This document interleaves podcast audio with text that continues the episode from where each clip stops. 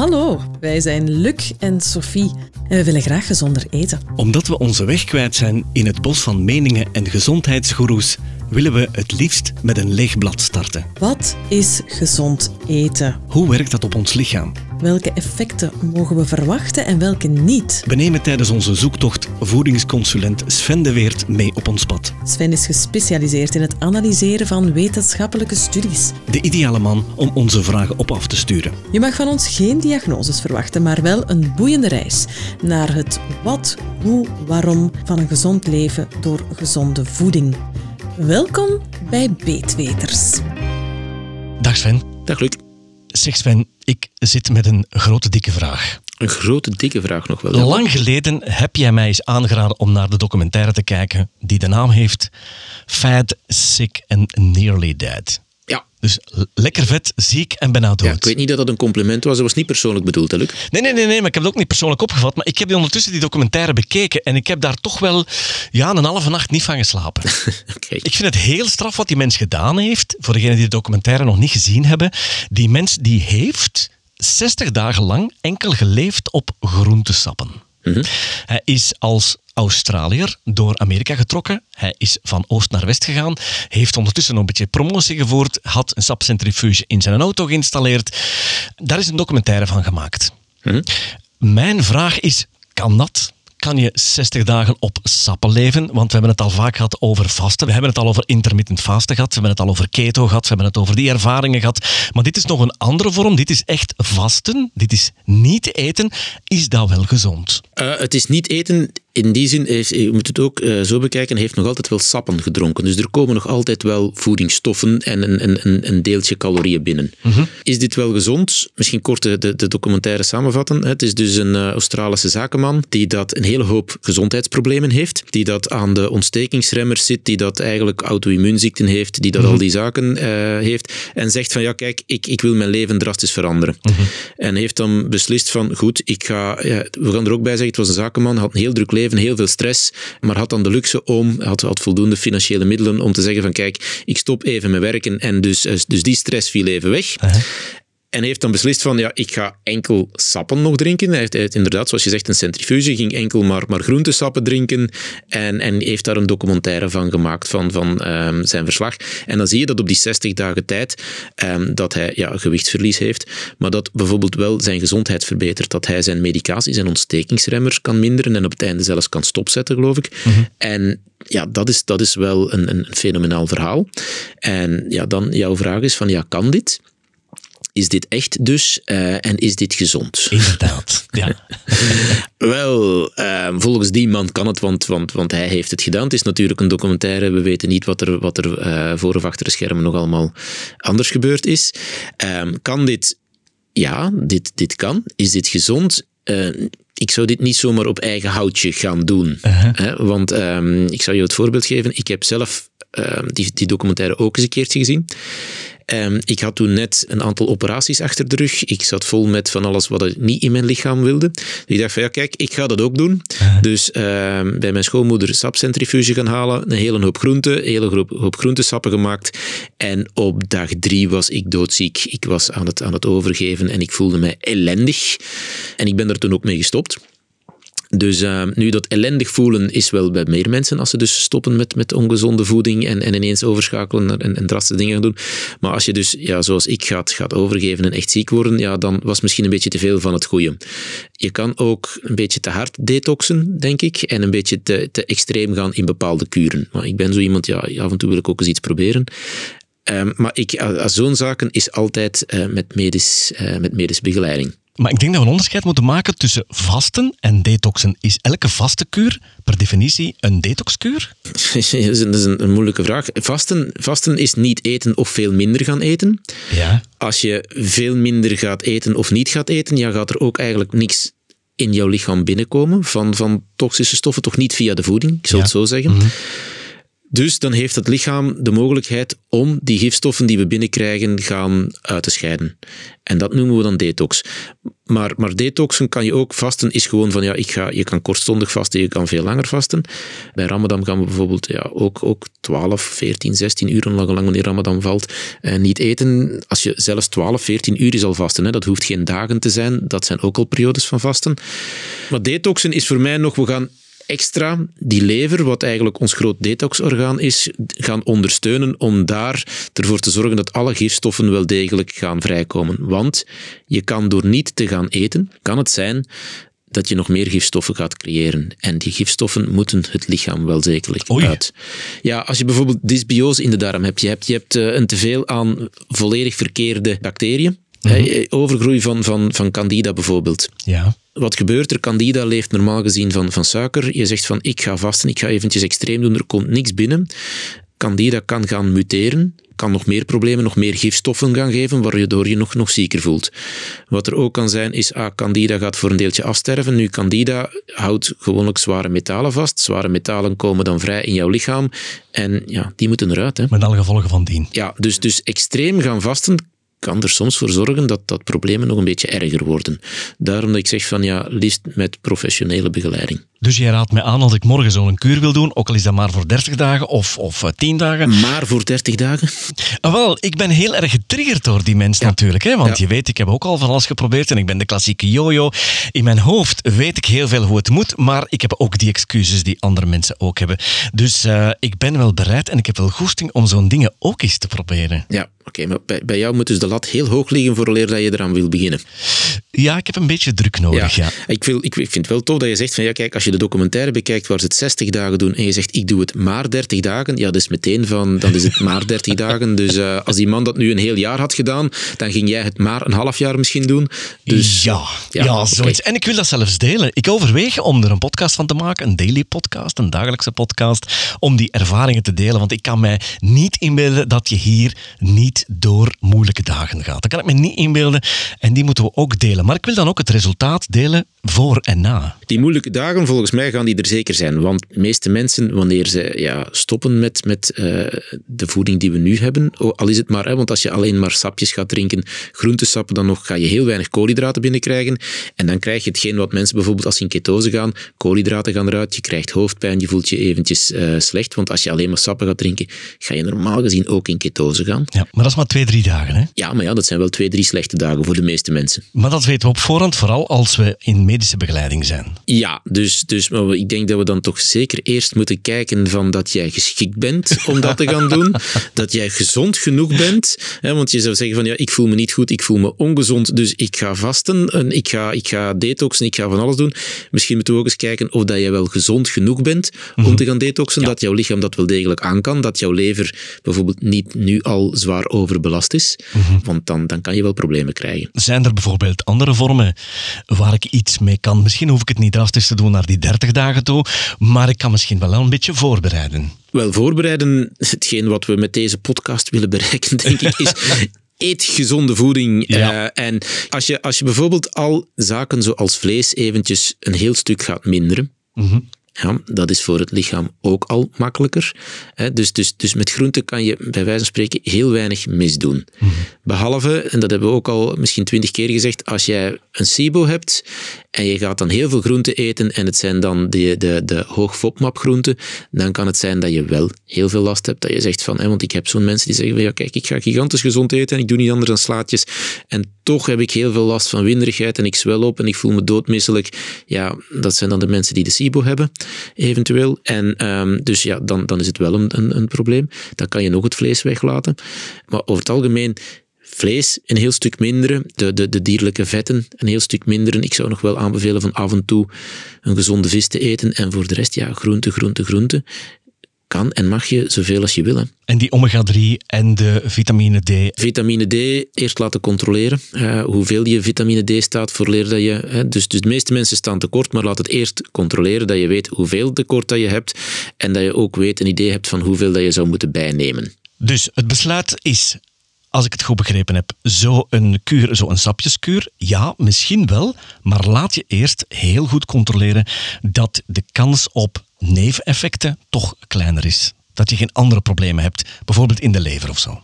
Bijvoorbeeld in de lever of andere zaken. En, wa- en wat met die andere kuren, Sven? Want ik heb eens gehoord dat er een waterkuur bestaat. Daar voel ik mij niet geroepen voor. Ja, wat is het verschil tussen jouw eh, sapkuur en de waterkuur? Ja, met de sapkuur ga je nog een minimum aan calorieën binnenkrijgen. Je gaat nog vitamine, ja, vezeltjes, als, dat hangt er vanaf welke sappen en hoe dat je gaat sappen. Maar je gaat toch nog een, een aantal zaken, ook al is het niet veel, binnenkrijgen. Met water is het zo van, wat is de waterkuur? Is van, ja, we gaan enkel water drinken en niets anders. Enkel water. Enkel water.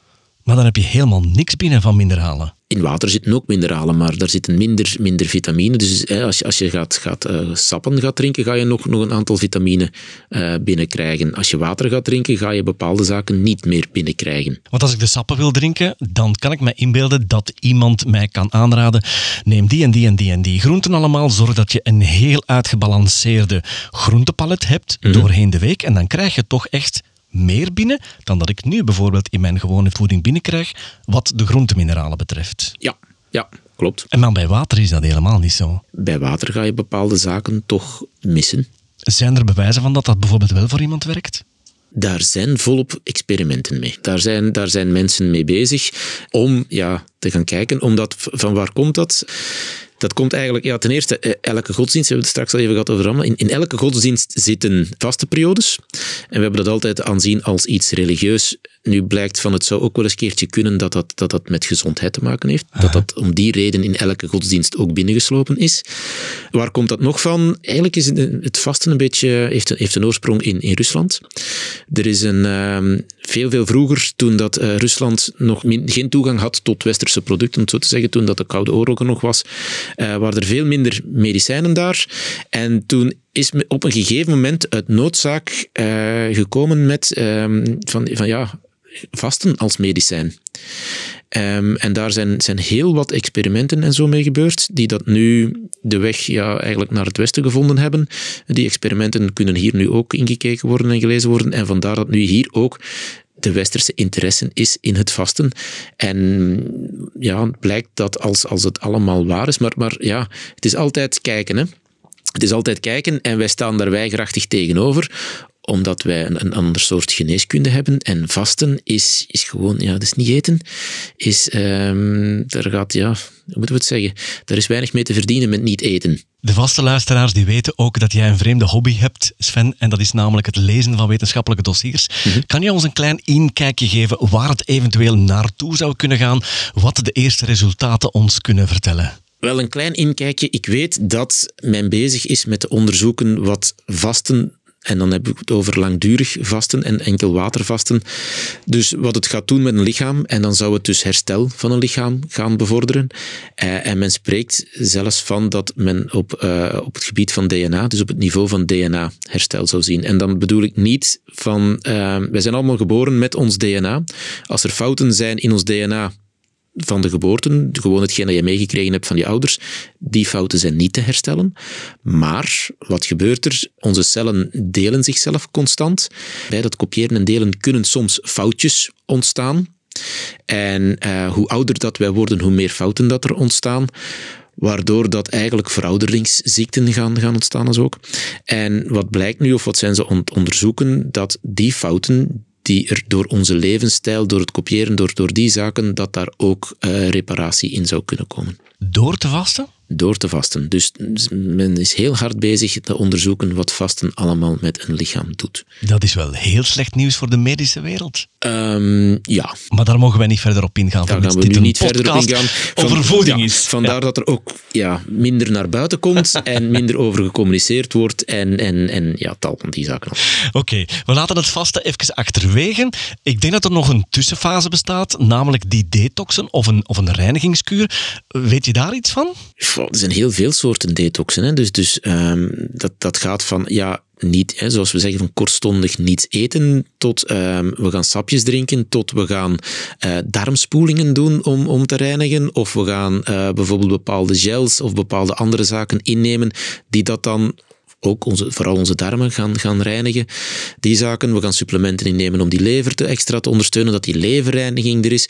Gewoon gezond eten, af en toe. Niet eten, en wat af en toe is en hoe lang dat dan is, ja, dat, dat, dat gaat dan blijken, heeft wel degelijk een grote invloed op je gezondheid. En ik lees tussen de lijnen door, wat je ook doet, doe het niet onverantwoord, maar ga eens te raden bij een medische specialist. Ja, begin al met gezonde voeding. En, en met gezonde voeding bedoelen we dan, eh, mensen, ik, heel veel mensen, hè, dus het klassieke van, ah, ik eet de volkoren boterham met kippenwit. En dan begint het al van, ja kijk, uw kippenwit is al geen gezonde voeding, want het is vol met bewaarmiddelen. Dat bedoelen we dan al van, dat is geen gezonde voeding. En ik denk dat we dat al, al, al vaak gezegd hebben van, verander dat, doe dat weg, ga veel meer groenten eten, ga veel meer natuurlijke producten eten. Als je dan kan, probeer dan misschien ook nog biologische zaken te eten. Dan krijg je veel minder gifstoffen binnen. Dat is al een hele grote hulp voor een lichaam. Als je dan ook nog eens zegt van af en toe ga ik mijn lichaam, mijn maag gaan, gaan rust gunnen en dat bedoel ik niet meteen van oh, twee, drie dagen of een week niet eten, maar gewoon al niet constant eten. We zijn gekomen van, van ah, je moet vijf, zes keer op een dag eten, je hebt het ontbijt en je hebt dan tien uurtje en, en de motor moet blijven draaien en dat allemaal. Ehm, dat kan bepaalde voordelen hebben. Het nadeel is ook dat er constant van alles binnenkomt en dat een lichaam niks kan herstellen.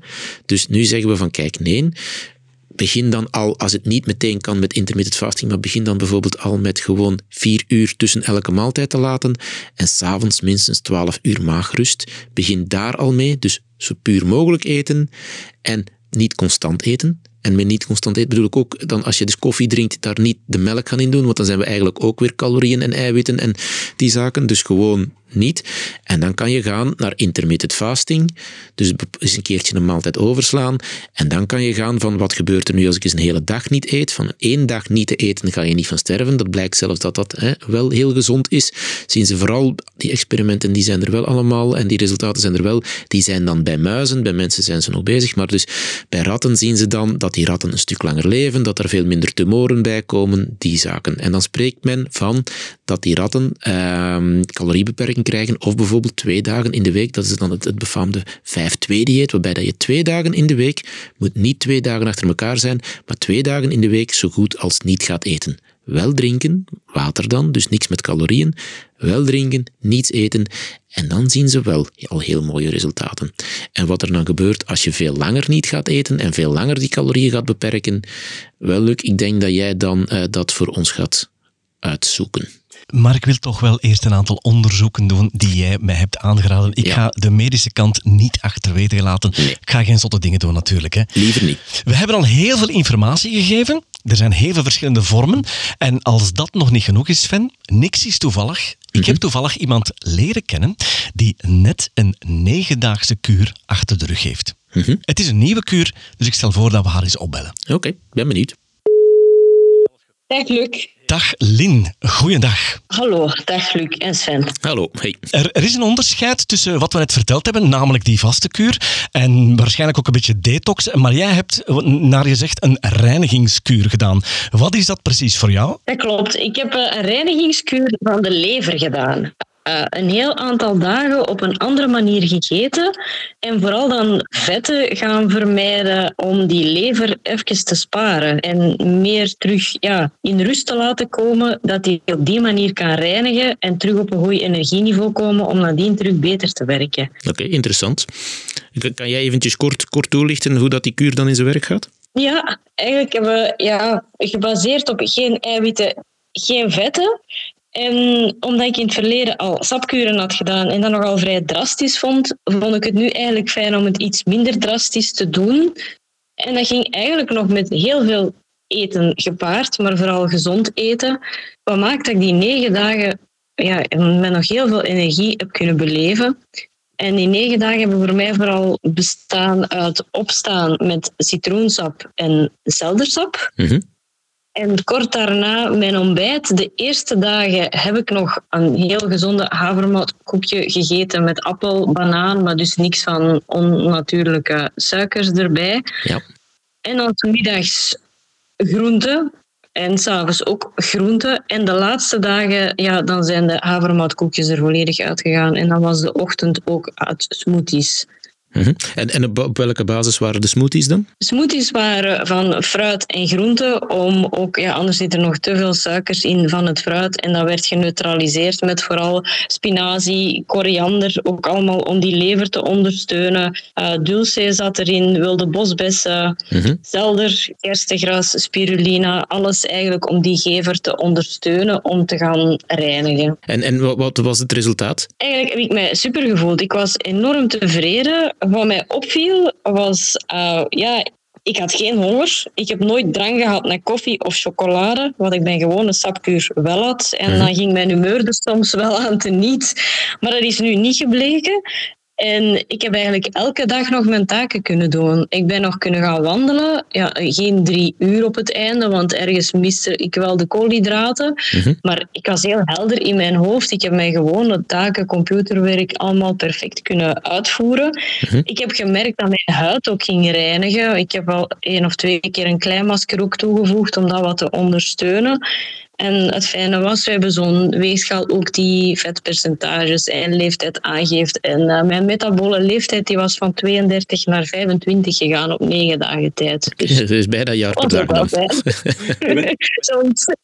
Je bent zeven jaar verjongd dan? Ja, dat klopt. Ja, en, volgens de weegschaal. En, is, en is, dat, uh, is dat blijvend volgende weegschaal? Is het nog altijd 25? Tot nu toe wel, maar ik ben nog maar net gestopt. Ik ben na dag twee aan het opbouwen en ik doe dat eigenlijk nog heel uh, voorzichtig. Ik ben gewoon begonnen met een klein beetje eiwitten en vetten toe te voegen. Maar mhm. zoals gezegd, de negen dagen heb ik super beleefd. Ook wel natuurlijk dankzij een beetje hulp van mijn partner, um, die kok is en die ervoor heeft gezorgd dat die maaltijden toch altijd er heel smaakvol uitzagen en ja, voor mij geserveerd zijn. Ja, dus ja, ja, dat doet veel. Als het, als het eten nog lekker is, dan dat doet inderdaad veel. Hè? Ja. Mijn volgende vraag was eigenlijk, Lien, hoeveel moeite of hoeveel aanpassing in de keuken vraagt dat? Want eh, je gaat toch net iets anders bereiden en serveren dan het normale? Klopt. Nu, ik gaf het net aan. Ik heb het niet zelf moeten doen, maar ik heb massa's groente en fruit zien aanvoeren. Dus de boodschappenlijst was groter. Er zijn een aantal speciale ingrediënten in huis gehaald, gelijk die dulce, uh, wilde bosbessen. Er zijn toch een aantal dingen moeten gaan, gaan opzoeken. En eh, er is ook wel vooraf een menu gemaakt. Dat er niet moest nagedacht worden, dat alles klaar was. En er was een andere manier van koken, want zonder vetstoffen, dus veel meer in de oven en heel veel heel gestoond. Mm Dat kwam er ook wel bij kijken. Dus niet alleen andere ingrediënten. Um, en ja, ook wel veel meer ingrediënten. Dus ik heb gezond gegeten, maar ik heb wel ook grote porties kunnen blijven eten. Ja, en daar dan toch iets van resultaat van houden. Ja, er was dus geen, geen beperking op de hoeveelheid dan? Nee, klopt. Maar ik denk dat er wel uh, meer tijd gespendeerd is in de keuken, als ik jou zo hoor. Dat klopt, ja. Omdat het, het schoonmaken van de groenten op zich, het, het was een massa groenten, een massa fruit. Um, en vooral ook het bereiden van het zeldersap. Ja, altijd de sapcentrifuge schoonmaken ja, er kwam wel wat meer bij kijken. Daar is inderdaad veel werk aan, hè? dat weten we maar al te goed. Nu tot slot, is het aan te raden volgens jou? Ik voel mij super. Ik ben echt heel blij dat ik het heb gedaan. Is op deze manier. Op deze manier lijkt het mij ook fijner om het nog eens te herhalen af en toe. Ik ben er fan van. Ik, ik voel mij echt helder. Ik voel mij energiek. Als het in te plannen valt in een agenda, zou ik zeggen, gewoon af en toe eens doen. Welke voordelen heeft het volgens jou ten opzichte van andere kuren die je al gedaan hebt? Het is meer doenbaar om te combineren met een gewoon leven. Ik vind andere kuren vrij drastisch en ik was na de andere kuren eigenlijk ook altijd uitgeput. Omdat ik het gevoel had dat ik dingen ontbrak. En dat heb ik nu niet ik, ik wil wel, omdat ik ook weet van ik wil mijn gezonde vetten niet missen. Ik heb mijn koolhydraten nodig uh, terug gaan opbouwen. Maar het is meer vanuit mijn, ja, mijn besef dat zegt van ik heb die dingen ook nodig en we mogen ook geen tekorten gaan creëren dat ik opnieuw ga opbouwen en die dingen toevoegen. Maar ik heb er nog helemaal geen geen nood aan. En dat is het groot verschil met andere kuren. Dan, dan sprak ik gewoon hele dagen over: ik heb honger, ik wil eten, oh, ik heb zin in dit, ik heb zin in dat. Mhm. En dat heb ik nu echt, uh, ja, dat zei mijn partner ook. Ik heb je nog nooit horen zeggen van: ah, ik heb zin in chocola of ik heb zin in koffie. Dat was helemaal niet. Dus het voelde niet als een dieet, het voelde niet als een stapkuur. En dat vond ik echt geweldig. En ook geen, geen last gehad van hoofdpijn of zo, want op een gegeven moment hoor je zeggen: dus koolhydraten gaan, gaan toch zo goed ook als als eruit, ehm, waardoor dat bloedsuikerspiegel soms daalt en mensen dan last krijgen van, van hoofdpijn of andere? Nee, nu ik moet wel zeggen, ik had ervoor al wel heel gezond en heel puur. En ik was al beginnen afbouwen met koffie. Uh, wat ik normaal ook maar één tas per dag drink. Maar wat mij vooral opviel, omdat u spreekt van de bloedsuikerspiegel, is vroeger had ik daar, of normaal heb ik daar altijd last van, van zo'n schommelingen. Al vrij snel als ik fruit eet of als ik ook zelfs gezonde suikers eet, dat die pieken en die dalen voel. En zelfs nu met die smoothies heb ik daar helemaal geen last van gehad. Dus ik ben mhm. veel beter in balans. Ja, dit was ook, hè, want je hebt gezegd, smoothies werden gecombineerd met heel veel groenten, waardoor dat normaal gezien ja, stijging van die bloedsuikerspiegel toch veel minder groot gaat zijn dan wanneer je een gewone smoothie op basis van enkel fruit gaat hebben. Hè. Ja, dus dat zal er ook mee te maken gehad hebben. Maar mhm. ik voel, ja, zelfs nu nog heb ik geen last van die ups en die, en die downs. Voor, her, voor herhaling vatbaar dan? Ja, ja, als de lever er nood aan heeft. En dan, uh, ik ga wel bepaalde ingrediënten blijven toevoegen, gewoon om de lever te blijven ondersteunen. Om mhm. die uh, opgang te houden. Was er, was er voor jou was er een probleem met de lever? Was er bijvoorbeeld in bloedresultaten te zien dat, dat er een overbelaste lever was of zo? Nee, niet noodzakelijk. Ik heb eerder uh, altijd problemen gehad met vertering. En mm ik heb zelf ook geen gal meer. Ja, en ja, ja. van daaruit wou ik eigenlijk de lever wel wat gaan ondersteunen om dan al de rest te gaan stimuleren. Ja, oké. Oké, Lin, dankjewel voor de toelichting. Tot slot nog even, als mensen deze kuur ook eens willen proberen, waar kunnen ze het vinden dan? Wel, wij hebben ze eigenlijk ook getest om te zien hoe het mij beviel in functie om ze eventueel bij ons in het uh, retreatcentrum te geven. En uh, dan kunnen ze ze volgen bij ons in Cobreville 43 in Vaux-sur-Sur, dat is de Ardennen. En dan zal mijn partner, gekend als de gezondkok, iedereen heel graag verwennen met deze lekkere dingen. En dan kunnen ze die kuur volgen zonder dat ze zelf in de keuken moeten staan. Dus uh, misschien iets voor ons, Luc? ja, ja, ik ga zeker overwegen uh, om er iets mee te doen. Maar ik had al contact met Ludo, dus dat komt wel goed. Um, Lin, van harte bedankt voor het gesprekje. Um, geniet er nog van, zolang de voordelen er nog aanwezig zijn voor jou. En wie weet tot een volgende keer, hè? Ga ik doen. Dank jullie wel. Bedankt, Lien. Tot later. Hè. Jo, dag Lien. Dag. Ik vond dat bijzonder verhelderend, Sven. Mhm. En om te vermijden dat de luisteraars door het bos de bomen niet meer zien, denk ik dat we één hele belangrijke conclusie moeten maken. Wat je ook doet, welke aanpassing je ook maakt, het is belangrijk om in acht te houden de zaken die je niet meer eet. Want dat doet er ook toe, hè. Ja, het is, het is altijd de vraag van, als mensen zich beter voelen, komt dat omdat je nu heel veel extra vitamine en mineralen hebt binnengekregen omdat je veel meer groenten en zo gaat eten? Of komt dat omdat je veel minder van die andere zaken die slecht voor je zijn, hebt binnengekregen? Mhm. Ik neig eerder naar het tweede. Ik denk dat als je veel minder slechte zaken binnenkrijgt, want zoals gezegd, we denken allemaal dat we altijd heel, hetgeen dat we alle dagen eten, dat dat zo gezond is. En, en, en kijk, alles is met plantaardige olie gemaakt en gedaan, onze mayonaise, en we frituren in plantaardige olie, dus we denken dat we niet zo slecht bezig zijn. Ja. Dus ik denk effectief, als je zegt van kijk, er zijn heel veel zaken die we niet meer binnenkrijgen, dat dat een heel groot verschil maakt in plaats van, ah, we krijgen terug veel meer met vitamine en mineralen binnen. Want als het enkel aan de vitamine en mineralen, dan was het op te lossen ook met gewoon supplementen op basis van vitamine en mineralen. Ja, dus als ik even terug refereer naar die man van de documentaire die 60 dagen op sapjes heeft geleefd, dan zou het best kunnen zijn dat een deel van zijn proces, van zijn healingsproces, al gekomen is door het niet binnennemen van tarwe. Ja, dus zoals jij weet, Luc, ik ben geen grote voorstander van tarwe. Omdat daaruit gebleken is dat dat uh, ontstekingen geeft. Niet enkel in onze darm, maar ook in de rest van ons lichaam. Maar de darm, dat is bewezen. En, en daar zit een gigantisch groot stuk van opname en, en immuniteit en, en al die dingen, dat hebben we al heel vaak gezegd. Uh, dus gewoon al door dat weg te laten. Ja. En hij laat dan natuurlijk ook nog een hele hoop andere zaken weg. Maar ik heb zelf al gemerkt in mijn eigen praktijk, als mensen tarwe weglaten en een paar andere dingen weglaten, dat je dan al vaak een heel groot verschil ziet. En dus misschien is het wel omdat hij die zaken weglaat, in plaats van, ah, ik, krijg, ik drink nu 17 liter tomatensap op een dag. Dat lijkt mij een hele gezonde conclusie van deze boeiende aflevering. Het is een balans van enerzijds meer gezonde dingen die we binnenkrijgen en anderzijds minder slechte dingen die we tot ons nemen. Dat is een heel wijs besluit voor deze aflevering.